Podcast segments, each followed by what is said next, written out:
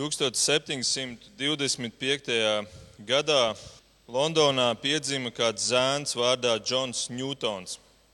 11 gadu vecumā viņa tēvs, kuģotājs, viņu sāka ņemt līdzi jūrā.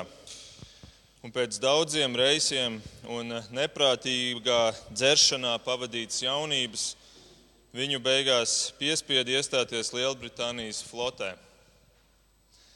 Pēc neveiksmīga mēģinājuma dezertēt, viņš saņēma astoņus dučus pātagu sitienu tika degradēts par parastu jūrnieku un noslēdzis šo drūmo karjeras nodaļu. Ņūtons pārgāja strādāt uz kādu citu kuģi, un tas bija vergu tirgotāju kuģis. Nonākot nesaskaņās ar šī kuģa komandu, viņš braucienā uz Rietumāfriku, kāds tāds Rietumāfrikā, un nodots vergu tirgotājai princesei Pejai, kas bija Āfrikāņu karaliene. Šī vergu tirgotāja bija pret Ņūtonu tikpat skarba kā pret visiem pārējiem saviem vergiem. Bet atšķirībā no pārējiem vergiem, Ņūtonam vienu dienu ieradās glābējs viņam pakaļ. Kāds kapteinis, kurš bija nosūtīts Ņūtona tēva vārdā, meklēt savu pazudušo dēlu. Un tā nu Ņūtons brīnumainā kārtā tika izglābts. Tomēr atpakaļ ceļā uz Lielbritāniju. Šis kuģis nonāca lielā vētrā, bet arī tur notika brīnums, vēl lielāks brīnums. Šī vētra bija ļoti spēcīga, un kuģis jau draudēja tūlīt apgāzties, kad Ņūtons visbeidzot griezās pie Dieva un lūdza pēc žēlastības. Un viņš saņēma žēlastību. Un kā pats vēlāk saka, ka kuģa kravai brīnumainā veidā pārslīdot tā, ka kuģis iztaisnojās, viņi visi beigās tika paglābti. Kopš šīs dienas Ņūtons sevi esot saucis par ticīgo, par kristieti. Un viņš esot sācis lasīt Bībeli. Viņš esot sācis regulāri lasīt Bībeli. Un tomēr sekoja vēl viens brīnums, iespējams, vēl lielāks brīnums. Proti, Džons Ņūtons pēc visa piedzīvotā, esot gan Rietumāfrikā pašam vergam, gan arī tiekot dievam apžēlotam brīnumainā veidā. Viņš nevien nepameta darbību vergu biznesā, bet pats kļuva par vergu tirgotāju. Kā tas ir iespējams, mēs varam jautāt. Kas cilvēkam vēl ir jāpiedzīvo, lai viņš mainītos? Un galvenais, Ko viņš lasīja tajā savā bībelē? Ko šī bībele viņam mācīja par šo viņa uzņēmēju darbību, par šīm viņa precēm pēdiņās, kuras viņš devās iepirkt, devās pāri Atlantijas okeānam uz Rietumu Āfriku, lai iepirktu no cilvēkiem, kuri zaga šos vergus, zaga apbraukājot afrikāņu ciematus, ielencot viņus un uz mūžu nošķirot no savām ģimenēm un saviem tuviniekiem un mīļiem. Vai tiešām šī bībele atbalstīja šo Ņūtona verdzības biznesu? Tiešām, Džon Ņūtona, tas, ko tu lasīji Bībelē, tev deva apstiprinājumu turpināt šo darbu. Arī šo jautājumu es esmu saņēmis pret sevi vērstu. Ne tikai Džons Ņūtons saņem šo jautājumu, bet eh, patiesībā katram kristētim varbūt tiek uzdots dzīves laikā šis jautājums. Kā tu spēj ticēt Bībelē, kura atbalsta verdzību? Kā tu vari ticēt tādai mācībai, kura akceptē šo ļaunumu? Es nezinu, iespējams, jums arī kāds ir um, jūsu dzīves laikā diskutējot par kristētību, vērš šo jautājumu pret jums, vai pat varbūt jūs paši esat šo jautājumu uzdevuši. Varbūt šis jautājums joprojām dod kādu nemieru jūsu sirdīs vai kādas šaubas par to, vai tiešām kristētība ir tas, par ko viņa tiek dēvēta, kāda viņa tiek pasniegta. Un tādēļ šodien es centīšos sniegt atbildi un atspēkot šo mītu par to, ka Bībele atbalsta verdzību. Mana atbilde būs sadalīta trīs daļās. Tie būs trīs P burti. Sākumā mēs runāsim par pamatojumu, kādu pamatojumu dod Bībele šai problēmai, šim šai, šim verdzības jautājumam. Pēc tam apskatīsim praksi, kāda tad ir tā prakse verdzībai, kāda tā ir bijusi. un kā tā ir šodien, un beigās problēma. Kas ir tā problēmas sakne visam šim? Tātad pamatojums. Kā Bībele pamato šo savu nostāju cilvēku verdzības jautājumā? Kādu pamatojumu Bībele sniedz, lai mēs varētu teikt, Dievs ir pret verdzību? Jo tas tas, ko mēs gribam teikt, vai ne, kā kristieši. Gan vecā derība, gan jaunā derība no, no, um, nosoda cilvēku zakšanu. Gan vecā derība, gan jaunā derība nosoda cilvēku zakšanu, kas ir pamatā visai verdzībai, kas ir tas verdzības dzinējspēks. Un ne tikai mēs nerunājam tikai par pagātni, ka tur ne, pirms pāris gadsimtiem bija verdzība izplatīta. Arī šodien pasaulē tiek lēsts, ka ir ap 27 miljonu vergu. Piespiedu darbā, seksa tirdzniecībā, bērnu verdzībā nodarbinātiem un vēl daudzās citās jomās. 27 miljoni cilvēku ir paverdzināti. Un tas ir tikai oficiālais skaitlis. Bet pamatā viss šī verdzība ir balstīta uz to, ka cilvēks tiek nozagts. Ja? Cilvēks tiek nozagts, viņš tiek pret savu gribu paņemts prom, aizrauts prom un tiek nodarbināts pret savu gribu, tiek iesprostots, saslēgts važās, sasaistīts, izmantots, pārdots. Viņš tiek nozagts un turēts pret savu gribu šajā verdzībā. Bībelē spilgtākais šāds verdzības notikums ir atrodams um, laikā, kad Jāzeps tika nodots, savu brāļu nodots verdzībā uz Ēģipti. Viņa brāļi viņu paņem pret viņa gribu, iespundē, pēc tam pārdot tirgotājiem, kas aizved viņu uz Ēģipti. Tas ir jau tāds spilgts, varbūt pat spilgtākais verdzības notikums, kas ir jau atrodams Bībelē. Un 1. mūzes 50. nodaļā ir rakstīts, ka Dievs, ko Dievs saka par šo Jāzepa nodošanu verdzībā. Viņš saka, to patiesībā saka Jāzeps par šo savu verdzību. Viņš saka, kad jūs domājāt pret mani ļaunu, Dievs to domāja par labu. Kad jūs domājāt pret mani ļaunu, pārdodot mani verdzībā, Dievs to domāja par labu. Tā daļa par to, ka Dievs to domāja par labu, to mēs šobrīd neapskatīsim, bet tā pirmā daļa, kad jūs domājat pret mani ļaunu, šeit mēs redzam, ka Bībele šo pārdošanu verdzībā jau definē kā kaut ko ļaunu. Bībele to neatbalsta. Tas, ka Dievs ļaunas lietas spēja pārvērst par labu, to mēs zinām, to mēs redzam arī Jēzus Krista, Kristus krusta nāvē. Cilvēki gribēja ļaunu izdarīt pret Jēzu. Dievs to pārvēr, pavērsa par kaut ko labu. Bet šeit mēs redzam, ka Bībele sauc verdzību par kaut ko ļaunu. Tas, kas notika no 16. līdz 19. gadsimtam ar afrikāņiem, kuri tika ar varu pret savu gribu nozagt savos ciematos un vēsti uz šo jauno pasauli, kur viņi tika pārdot kā vergi, Dieva acīs tas ir pretīgs ļaunums. Dieva acīs tas ir pretīgs ļaunums. Un šajā ziņā mēs varam teikt, jā, Black Lives Matter, ka noteikti Dievs ir par melnādaino dzīvībām. Starp citu, tāpat kā par jebkurām citām dzīvībām. Bet dievam, Dieva acīs šis ir pretīgs ļaunums, šī cilvēka nozagšana, aizvešana, lai tiktu pret viņu gribu, paverdzināti un nodarbināti. Mūzus likumā Dievs par šādu cilvēku zakšanu ir pat noteicis nāves sodu. Tas nav tikai tāds mazs grēciņš, tas ir Tas ir pārkāpums, kas tiek sodīts ar nāves sodu. 2. mūzes 21 ir rakstīts, kas nolaupīs cilvēku un to pārdevis, vai arī to atrod pie viņa. Tas, lai mirtin mirst. Un tagad Bībele pasaka kādu darbības vārdu dubultā, mirtin mirst, tad tu zini, ka tas ir ļoti, ļoti nopietni.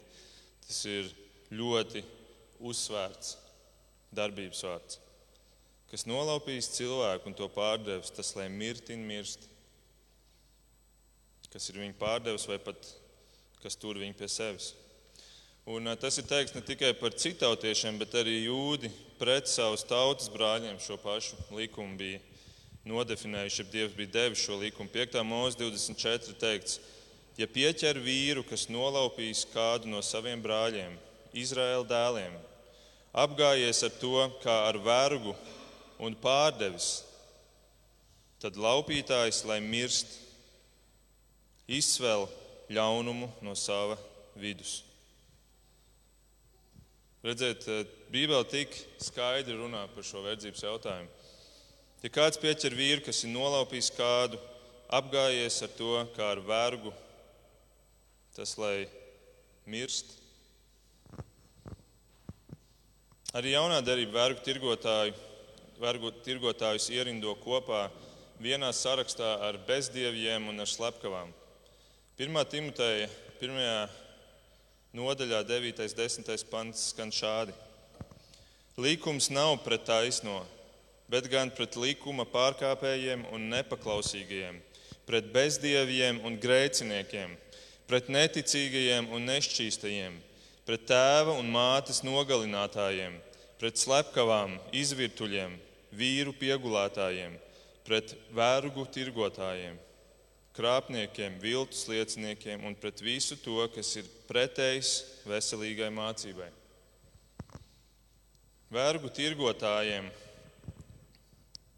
ir tas pats liktenis, kas ir slepkavām, bezdieviem,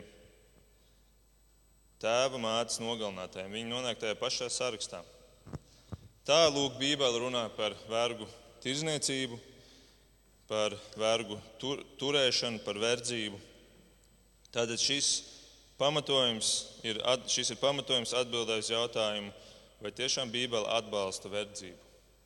Atbildi ir nē. Bībele neatbalsta verdzību, verdzību, kura ietver cilvēku nolaupīšanu, izmantošanu pret viņa gribu vai pārdošanu.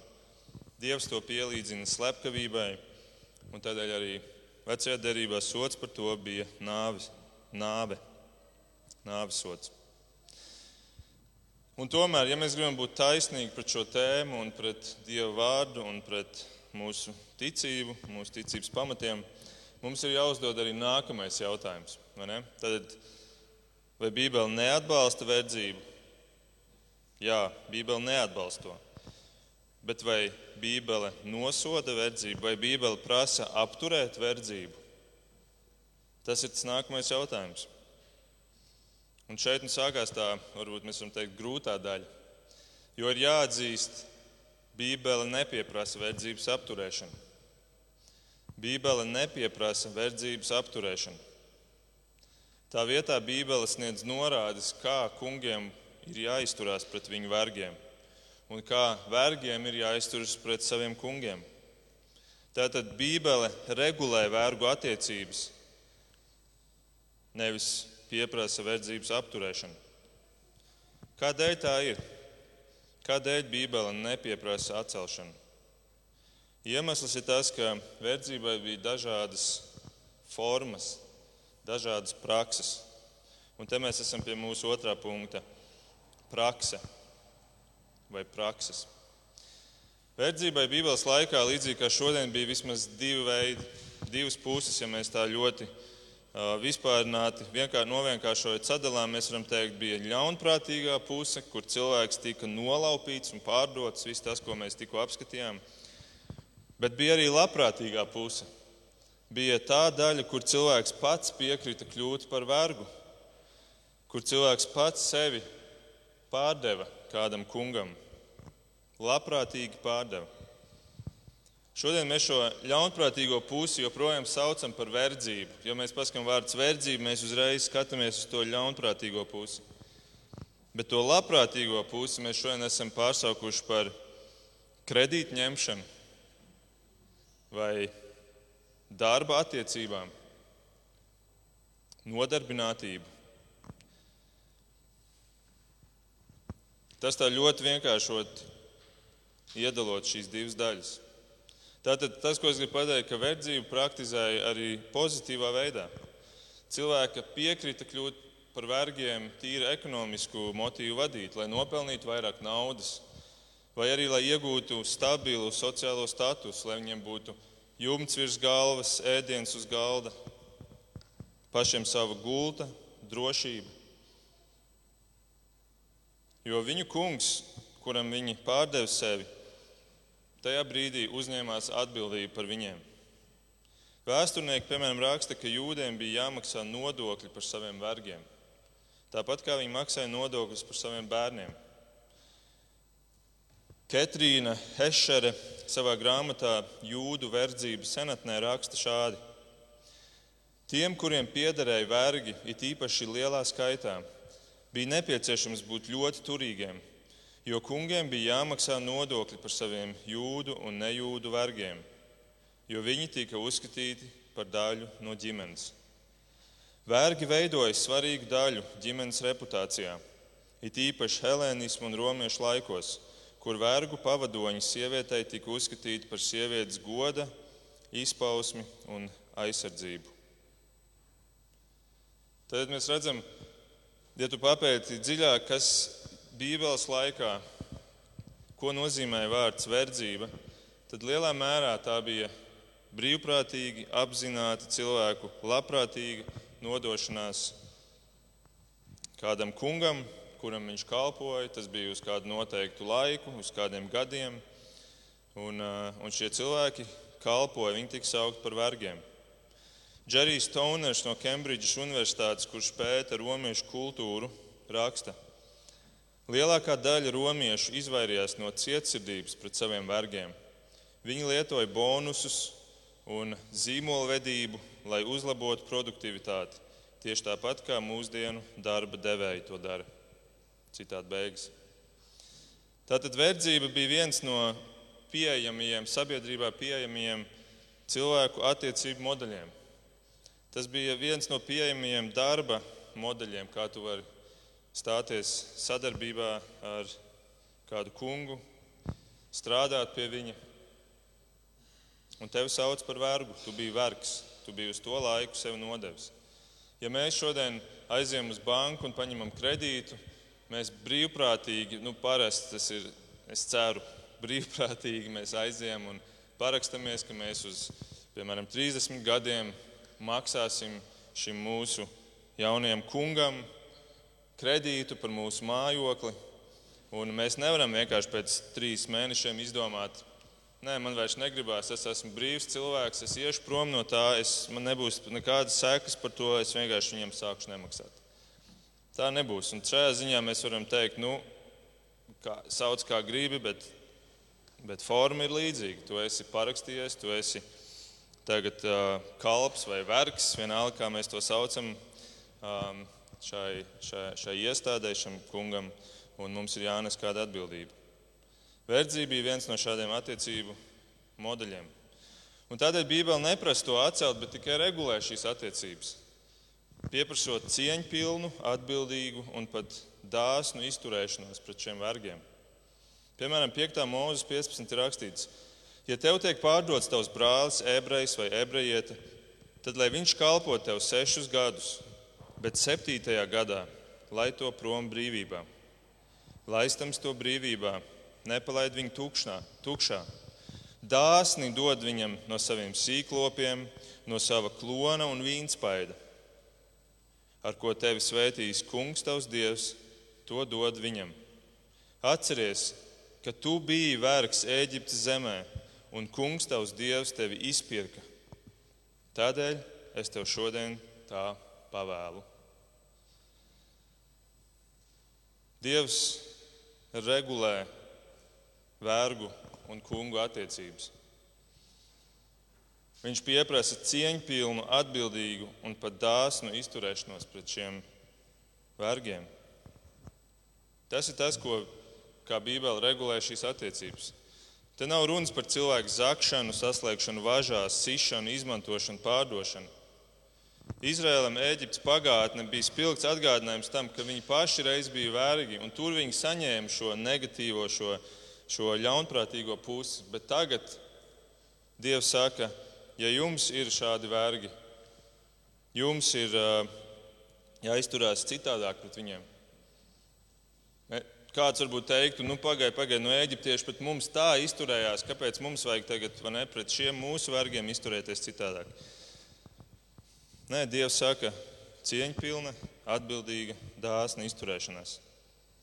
Un arī Džonam Ņūtonam, par kuru mēs ievadā lasījām, viņam var būt noderījis palasīt šo raksturvietu mazliet biežāk, spriežot pēc tā, ko esam līdz šim dzirdējuši par viņu. Pēc vis tā, ko viņš bija piedzīvojis, pats būdams vergs, līdzīgi kā Izraels bija vergs Eģiptē. Tam vajadzētu mainīt tavu nostāju, tam vajadzētu mainīt mūsu nostāju, zinot, ka mēs reiz esam bijuši vergi. Arī jaunā derība regulē šo kungu un vergu attiecības. Piemēram, Efeziešiem 5 ir rakstīts, jūs kalpi, un šajā vietā vajadzētu būt vārdam vergi. Pareizais tulkojums būtu vergi, tas ir vārds dūles, vergs. Jūs vergi ar bijību un trīsām sirds skaidrībā klausiet savam laicīgajiem kungiem kā Kristum. Arī jūs, kungi, izturieties pret viņiem tāpat, atmetiet draudus, zinādami, ka gan viņiem, gan jums ir kungs debesīs, un viņš neuzlūko cilvēku pēc viņa ārienes. Kungs debesīs, kurš neuzlūko cilvēku pēc viņa ārienes. Lūk, Bībele regulē attiecības starp kunga un vergu modeli, neuzlūkojot cilvēku pēc viņa ārienes. Diemžēl tas, ko cilvēki darījuši pēdējos gadsimtos, viņi uzlūko cilvēku pēc ārienes. Viņu uzlūko rezultātā verdzības cēlonis pagātnē lielā mērā ir bijis tieši cilvēka āriene, proti, ādas krāsa, rase. Un no turienes arī dzimst šī visa doma par rasis, rasismu, par rasistisko verdzību. Piemēram, no verdzības ASV un citiem ir izaudzis šis šī izpratne mūsu, varbūt, ko mēs šodien dzirdot vārdu rasisms, uz kurien mūsu domas uzreiz aizvirzās, pret ko arī šodien protestē šī Black Lives Matter kustība, vienalga, vai, vai tās metodas, kā viņi to dara, ir pareizas vai nepareizas, par to tagad es nerunāšu. Bet tas ir tas cēlonis, no kurienes ir tas viss audzis. Kur lielākajai daļai afroamerikāņiem priekšteči ir atvesti uz ASV kā vergi iepriekšējos gadsimtos. Lielākajai daļai šodien Amerikā dzīvojošiem afroamerikāņiem priekšteči ir tikuši atvesti kā vergi uz šo jauno pasauli, uz ASV, pret savu gribu, bez cieņpilnas, atbildīgas, dāsnas attieksmes, kādu Bībele to pieprasīja. Lūk, redzēt, šī verdzība, šī ko mēs šodien saucam par verdzību, viņi ir celt uz pavisam citiem pamatiem. Tā ir pavisam cita verdzības forma, prakse nekā tā, kur Bībele regulē, kur Bībele māca kura tajā laikā tika praktizēta lielākoties. Ja es jums pajautātu, cik no jums šobrīd ir kādās kredīta saistībās, es jums to neprasīšu celt roku, bet ja jūs ja prasītu, iespējams, Nezinu, puse varbūt pacelt roku. Nezinu, es neesmu ar jums runājis par šo tēmu tik daudz, lai zinātu, uh, labi, precīzi prognozēt. Bet, bet uh, ja es pēc tam jums pateiktu, visi tie, kur esat pacēluši roku, jūs esat vergi. Jūs iespējams kāda daļa no jums apjuktu, kāda daļa varbūt apvainotos, jūs tos aizvainot, kāda daļa nepiekristu. Bet kāda daļa varbūt pat piekrist un teikt, jā, es tā arī jūtos vergs. Un tomēr, pat ja jūs piekristu, ka esat bankas vergi, jūs noteikti atzītu, ka šī verdzība nav salīdzināma ar to, par kuru esam dzirdējuši iepriekšējos gadsimtos ASV, kur melnādainos nodarbināja nežēlīgos apstākļos, sita ārā zobus, lauza kājas un rokas, kaulus kā sodu par, par kādām par kādiem darbiem, kas nebija izpildīti pienācīgā līmenī. Izvaroja, pazemoja, pat slepkavoja, par to nenesot nekādu atbildību. Mūsu kredītiņi ir mazliet cits stāsts. Jūs piekrītat, vai ne? Tas ir cits stāsts. Mūsu attiecības šodien ar, ar mūsu bankām tomēr ir cits stāsts. Pat ja mēs to kādā brīdī saukt par verdzību.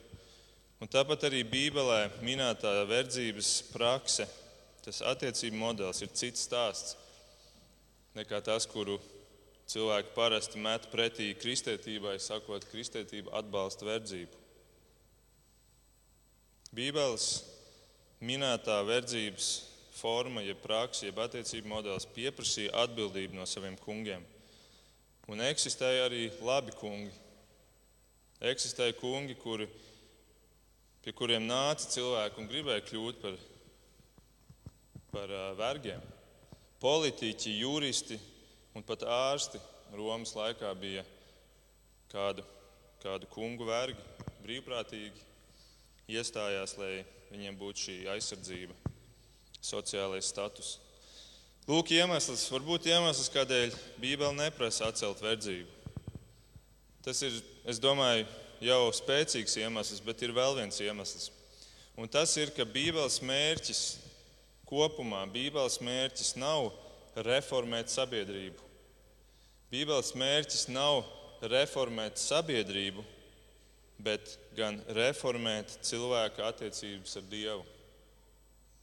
Bībeles mērķis ir norādīt uz glābšanu, norādīt uz garīgo realitāti. Un garīgā realitāte ir tāda, ka diemžēl visi cilvēki patiesībā ir vergi. Visi cilvēki patiesībā ir vergi. Šī garīgā verdzība ir tā, kas patiesībā izraisa visas tās fiziskās verdzības, kuras mēs redzam pasaulē, visu to ļaunprātību, visu to šodien 27 miljonu un vairāk cilvēku verdzināšanu. Tas viss sākās ar to garīgo verdzību, un tai pakļauti ir visi cilvēki. Tālūk ir tā sakne visai šai verdzības problēmai. Un te mēs esam pie mūsu trešā punkta - problēma. Problēma sakne. Tad mēs apskatījāmies pamatojumu, ko Bībele māca par verdzību. Mēs apskatījāmies dažādas prakses formas.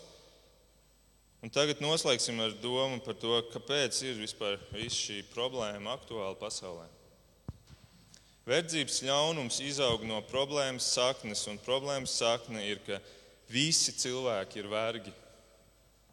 Bībele saka, grēka vergi. Grēka vergi. Un ticiet man, cilvēkam nepatīk to dzirdēt, cilvēki tam nepiekrīt. Ja jūs kādam darba kolēģim, kurš nav kristietis, pateiksiet, tu esi grēka vergs, pas, paskatieties, kāda būs reakcija. Varbūt pamēģiniet, varbūt tas ir labs veids, kā, kā uzsākt sarunu. Bet cilvēki tam nepiekrīt. Mūsdienās cilvēki māca tieši pretējo. Tu esi brīvs, tu esi brīvs, dari, ko gribi. Esi vien, kas tu vēlēsies. O, tu piedzimi par sievieti, bet tu gribētu būt vīrietis. Viss labi, nekāda problēma. Esi, kas tu gribi. Tu esi brīvs. Ēdienas dārzā viss Viss šī pasaules vēsture ar Ādamu un Ievu sākās tieši ar šiem pašiem meliem. Jūs esat brīvi darīt, ko vien gribat. Jums nepatīk, ka Dievs ierobežo, ka jums aizliedz ēst no šī koka. Nekas. Dari, ko gribi. Tu esi brīvs. Tu esi brīvs un tu būsi vēl gudrāks. Tu būsi vēl gudrāks, ja tu salauzījis šīs dieva dotās robežas, jo tu taču esi brīvs. Un cilvēks šajā, šajā stulbumā, savā, savu kārību dzīts, viņš māna sevi. Viņš negrib dzirdēt, ka viņš ir kāda vergs. Es ievadā lasīju Jāņa 8 sarunu starp Jēzu un Pharizējiem. Arī tur Pharizēji negribēja dzirdēt, ka Jēzus viņiem ir teicis, ka Jēzus viņiem saka, ka Ja jūs paliekat manos vārdos, jūs patiesi esat mani mācekļi, un jūs iepazīsiet patiesību, un patiesība darīs jūs brīvus. Tie viņam atbild, ko? Mēs esam Ābrahāma pēcnācēji un nekad nevienam neesam vergojuši. Kā tad tu saki, jūs kļūsiet brīvi? Citiem vārdiem sakot, mēs jau esam brīvi. Mēs esam brīvi un mēs nekad nevienam neesam vergojuši smieklīgi. Nekad nevienam neesam vergojuši tiešām. Droši vien, ja es tur stāvētu, ja es vietā esmu teikt, ko lūdzu, jūs esat jau aizmirsuši, ka jūs Eģiptē bijat vergi, jūs Ābrahām pēcnācēji. Jūs esat aizmirsuši, ka jūs šobrīd esat Romas vergi. Kā var cilvēks sevi tā mānīt? Ja es tur būtu bijis, es to droši vien būtu viņiem uzreiz atbildējis. Bet apbrīnojamais ir tas, ka Jēzus viņiem neatgādina šo, kaut gan tas būtu tik ērts brīdis, lai, to, lai viņus ievestu šajā muļķīgajā gaismā. Bet tas, ko Jēzus dara, viņš pasaka viņiem, ziniet, ir vēl daudz smagāka verdzība, kurā jūs esat saslēgti. Viņš saka viņiem, patiesi, patiesi es jums saku, ik viens, kas dara grēku, ir grēka vergs. Aizmirsīsim par to Eģipti un Romu. Tā īstā tēma ir jūs esat grēka vergi. Un Bībele saka, ka visi ir grēkojuši. Visi ir grēkojuši, un ja es saku, tas, kas dara grēku, kaut vienu reizi kļūst par grēka vergu. Visi cilvēki ir grēkojuši, tātad visi ir grēka vergi. Visi ir vergi garīgajā ziņā. Vai nu tu esi vergs grēkam, vai arī tu esi vergs Kristum. Visi ir vergi garīgajā ziņā. Vai nu tu esi vergs grēkam, vai arī tu būsi vergs Kristum. Jēzus farizējiem saka, ka visi ir grēka vergi, bet ka viņš var darīt viņus brīvus. Pāvils to apstiprina, ka viņš raksta Romas draudzē. Viņš raksta, vai tad nezināt, ka nodevuši sevi verdzības klausībā, jūs esat vergi tam, kam paklausāt? Vai nu grēkam, kas ved nāvē, vai paklausībai Dievam, kas ved uz taisnību? Vienalga, kā tu esi vergs. Tu to vari ignorēt, tu vari sev iestāstīt, cik tu esi brīvs, bet tie visi ir meli, tā nav patiesība. Un to jau atklāja mūsu katra dzīve, ja mēs godīgi paskatāmies to, vai ne? Cik ātri mēs iedegamies dusmās, cik viegli mēs paļau, pakļaujamies slinkumam, cik lēti mēs pārdodamies izklaidēji, cik īsā laikā mēs kļūstam atkarīgi no āršķirīgām lietām. Kāds pētījums atklāja, ka vairāk nekā puse no ASV iedzīvotājiem ģimenes vēsturē ir būtisku lomu spēlējis alkoholisms. Vairāk nekā pusi no šodien ASV dzīvošiem cilvēkiem viņu ģimenes vēsturē lomu ir spēlējis alkoholisms, atkarība, verdzība. Un šos tradicionālos atkarības veidus šodien papildina jauni atkarību veidi. Bērniem tie ir mobīlie telefoni, Pieaugušajiem tie ir datorekrāni vai darbs un karjera, kas aprī laiku savai ģimenei, saviem bērniem, saviem tuvajiem, tam īstajām vērtībām. Un es pats neizslēdzu sevi no tā. Es pats esmu piedzīvojis vismaz divas no šīm, šīm atkarībām savā dzīvē. Kad es, kad es biju atkarīgs no datorspēlēm un un, un darba holismā, godīgi atskatoties savu dzīvi, cik tas ir paņēmis laika un virsstundas. Mēs visi esam grēka vergi. Ja vien neļaujam Kristum izpirkt mūs no šīs verdzības, jo Kristus vienīgais ir nodzīvojis bez grēka, līdz ar to bez grēka važām. Viņš vienīgais nav grēka vergs. Tāpēc viņš vienīgais var pieteikties kā izpircējs. Neviens, grē, neviens vergs nevar doties pie cita verga un teikt, es tevi izpirkšu. Tas otrs vergs viņam teiks, ko tu man izpirksi, tu pats esi saslēgts važās, ko tu man te vari izpirkt. Un ir tikai viens cilvēks, kurš ir dzīvojis šajā dzīvi bez grēka, kurš nav grēka vergs, un tas ir Jēzus Kristus. Jaunajā derībā vārds, kas tiek lietots vergam, jau minēju, ir vārds dūlos. Un tas nāk no vārda saknes deo, kas ir sasiet, sasaistīt. Tātad vergi ir tie, kas ir sasieti, sasaistīti ar kaut ko kopā. Interesanti, ka lielākajā daļā Bībeles tulkojumu um, ir autori ir izvairījušies tulkot dūlos kā vergs. Lielākajā daļā tas vārds tiek tulkots tajā vieglajā formā - kalps. kalps. Acīm redzot, baidoties no šīs visas negatīvās piegājušas, no visa šī negatīvā fona. Bet, ziniet, patiesībā daudz kur, kur mēs lasām vārdu kalps, tur vajadzētu būt vārdam vergs. Piemēram, Mateja 25. Viņa kungs tam sacīja: Labi, mans krietnais un uzticamais vergs, nevis kalps. Vai Mateja 6. kalns vētrunā, Jēzus saka, neviens nevar kalpot diviem kungiem. Patiesībā šeit būtu jābūt, neviens nevar būt vergs diviem kungiem. Jūs nevarat būt vergs dievam un mamonam. Un cilvēkiem nepatīk, un tāpēc es pieņemu autori, jaunās darbības autoru, un tas ir gan, gan angļu bībelēs, gan latviešu bībelēs. Ir šīs bailes šo vārdu vergs lietot, tāpēc ka es negribu, es negribu lietot vārdu vergs kopā ar vārdu dievs vai Kristus. Bet patiesība ir tā, ka mēs esam Kristus vergi. Viņš mūs izpirka. Mēs piedaram viņam, un viņš ir labs kungs. Viņš ir vienīgais, pilnīgi labais kungs.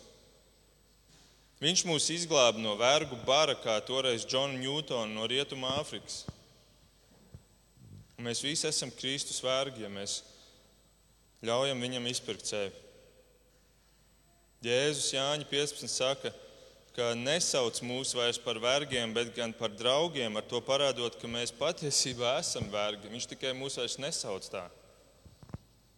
Viņš parāda vēl lielāku žēlastību un pasaka, es jūs, kur esat vergi, saukšu par saviem draugiem. Tāds kungs ir šis Kristus. Un Pāvils Galatiešiem 4,7 pat atklāja, cik augstu mēs esam celti, ka no pasaules verga statusa mēs esam pārcelti dēla statusā, adoptēti ģimenē. Viņš raksta, tātad tu vairs neesi vergs, bet gan dēls. Un, ja dēls, tad caur dievu arī mantinieks. Tātad tu vairs neesi vergs, un iepriekšējās pantos viņš, saka, viņš runā par pasaules pirmsspēku verdzību. Tātad tu vairs neesi pasaules vergs, tu vairs neesi grēka vergs, bet gan dēls un, ja dēls, tad caur Dievu arī mantinieks. Mēs, kā Kristus vērgi, esam vienlaikus arī Dieva bērni un mantinieki. Un šim dāsnumam ir viens vārds, un tas vārds ir žēlastība. Un tas ir tas, ko mums vajadzētu katram ieraudzīt mūsu attiecībās ar Dievu. Ka mēs bijām vergi, un tas nebija mūsu nopelns, ka mēs izdomājām vienā brīdī, ka mēs vairs negribam kalpot mūsu vecajam kungam. Tev vienmēr būs jāmaksā cena, lai tiktu prom no sava vecā kunga.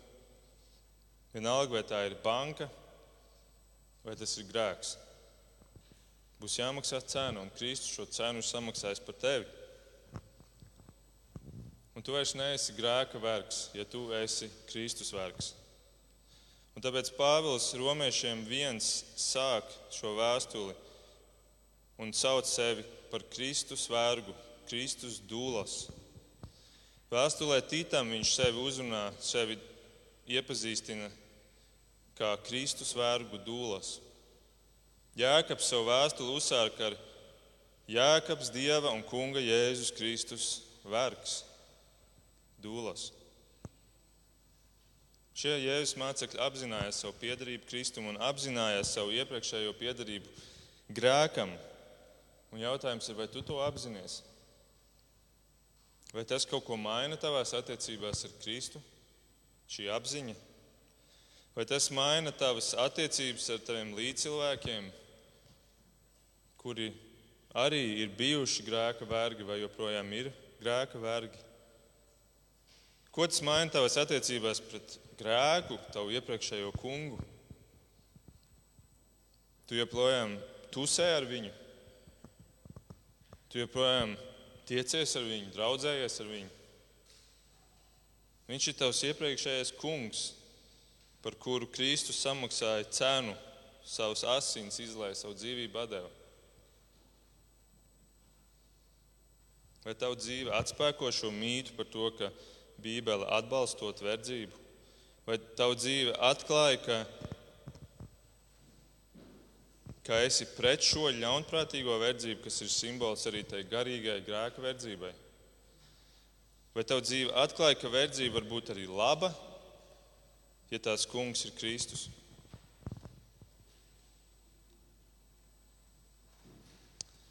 Lūk, noslēdzot, es vēlos atgriezties pie Džona Ņūtona. Kā jau droši vien kādi no jums saprata, tas stāsts, kurus izstāstīju, nebeidzās tur, kur es viņu pabeidzu. Tā bija tikai pirmā daļa. Labā ziņa ir tā, ka Bībele acīm redzot, tomēr pārliecināja šo Džonu Ņūtonu.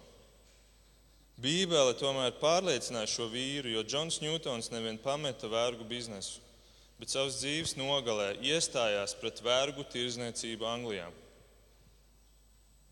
Viņš 1779. gadā uzrakstīja vienu slavenu dziesmu, kura, tu, kura kļuva tik populāra, ka viņa vairāk kārt tika pārdrukāta un pat sūtīta parlamenta biedriem. Viens šāds parlamenta biedrs vārdā Viljams Vilberfors apvienoja spēkus ar Džonu Ņūtonu un citiem cīņā pret šo vergu tirzniecību. Un 1807. gadā Viljama Vilberforsa vadībā tika izcīnīta uzvara - akts par vergu tirzniecības atcelšanu. Džona Ņūtona sarakstītā dziesma ir Amazing Grace. Man žēlastība dāvāta latviešu, mēs viņu tulkojam. Un tās pirmais pants oriģinālajā tekstā mums ir, diemžēl, latviešu mazliet citādāk pārtulkots, bet oriģinālajā tekstā bez manas tulkojums, bez atskaņām apmēram skan šāds. Abrīnojamā žēlastība, cik salda tās skaņa kas izglāba tādu grēcinieku kā mani. Es reiz biju pazudis, bet nu esmu atrasts. Biju akls, bet nu es redzu. Šajā dziesmā Ņūtons atzīstas, kas viņš reiz bija bijis. Neviena Rietumā Afrikā pazudis vergs, kuru žēlastība izglābusi, sūtot glābēju tieši viņam pakaļ un, un glābjot viņu no nāves tajā stiprajā vētrā. Bet daudz vairāk glābjot no aklās grēka verdzības. Redziet, ja šī pirmā jau bija žēlastība viņa dzīvē, tad tā otrā bija apbrīnojamā žēlastība. Un tā arī mums katram šodien. Mēs varam cīnīties pret verdzību, fizisku, Mēs varam iestāties kustībās, mēs varam atbalstīt un maksāt ziedojumus dažādām organizācijām, kuras nostājas pret verdzību. Bet jautājums ir, kas ir ar tiem garīgiem rokdzelžiem, ar kuriem cilvēks staigā, ar to grēka verdzību?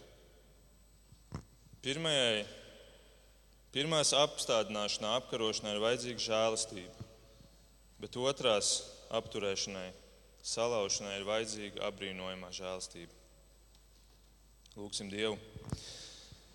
Debes Tēvs, paldies par šodienas vārdu. Paldies, Kungs, ka Tu esi Bībelē devis atbildes arī uz šādiem jautājumiem. Jā, Kungs, vēsture rāda, cik cilvēks ir ļauns, cik cilvēks ir paverdzināts grēkam, cik cilvēks ir nespējīgs varu turēt savās rokās un darīt labu, cik ātri cilvēks to pagriež pret citiem līdzcilvēkiem. Un, un uh, mazās lietās mēs visi to darām.